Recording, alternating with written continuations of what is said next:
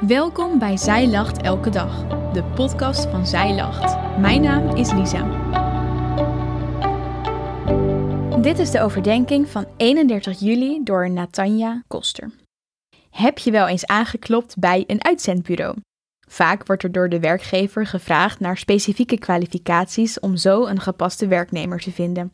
Mocht God aankloppen bij het uitzendbureau voor het Koninkrijk, dan zou daar volgens het Evangelie van Johannes onder andere staan: gezocht door de Vader, aanbidders in geest en waarheid. Zou jij reageren? In Johannes 4 komt het concept van aanbidders in geest en waarheid aan de orde.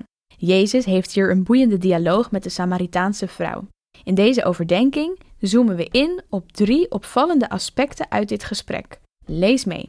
Allereerst, plaats en persoon.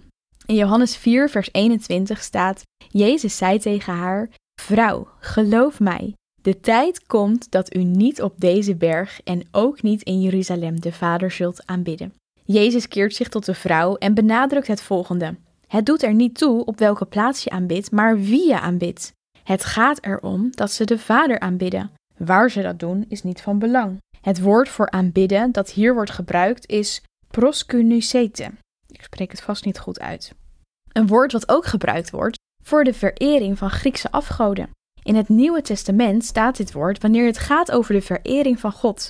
Dit vond vaak plaats in de tempel, maar Jezus vertelt dat niet de plaats van aanbidding beslissend is, maar de gesteldheid van het hart waarmee dit gebeurt, namelijk in geest en waarheid en gericht op de Vader. Het volgende is Samaritanen en Joden.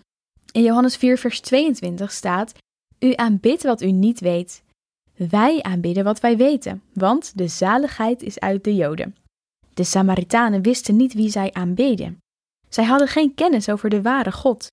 Dit in tegenstelling tot de Joden, Gods uitverkoren volk. De Samaritanen kennen God niet zoals de Joden hem kennen. Zij hebben niet die openbaring over wie God werkelijk is. Er wordt gezegd dat de Samaritanen alleen de eerste vijf boeken van de Bijbel erkenden en zo nooit een volledig beeld konden krijgen van wie God werkelijk is. Tot slot geest en waarheid. In Johannes 4, vers 23 tot 26 staat: Maar de tijd komt en is er nu dat de ware aanbidders de Vader zullen aanbidden in geest en waarheid. Want de Vader zoekt wie hem zo aanbidden.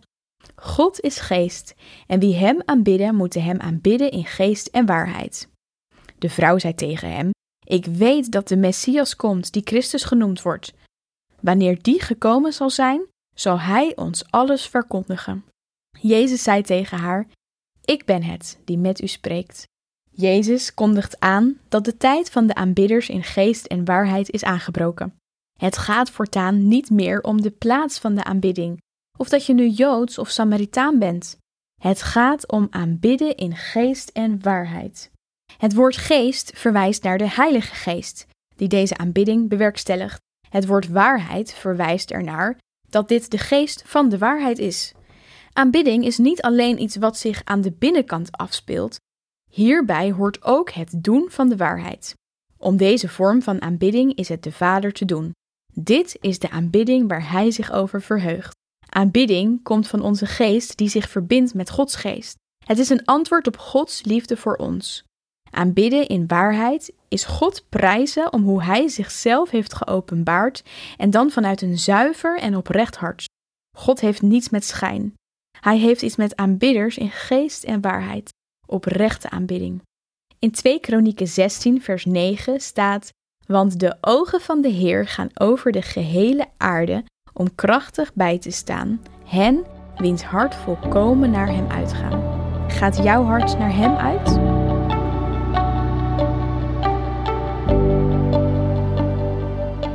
Dankjewel dat je hebt geluisterd naar de overdenking van vandaag.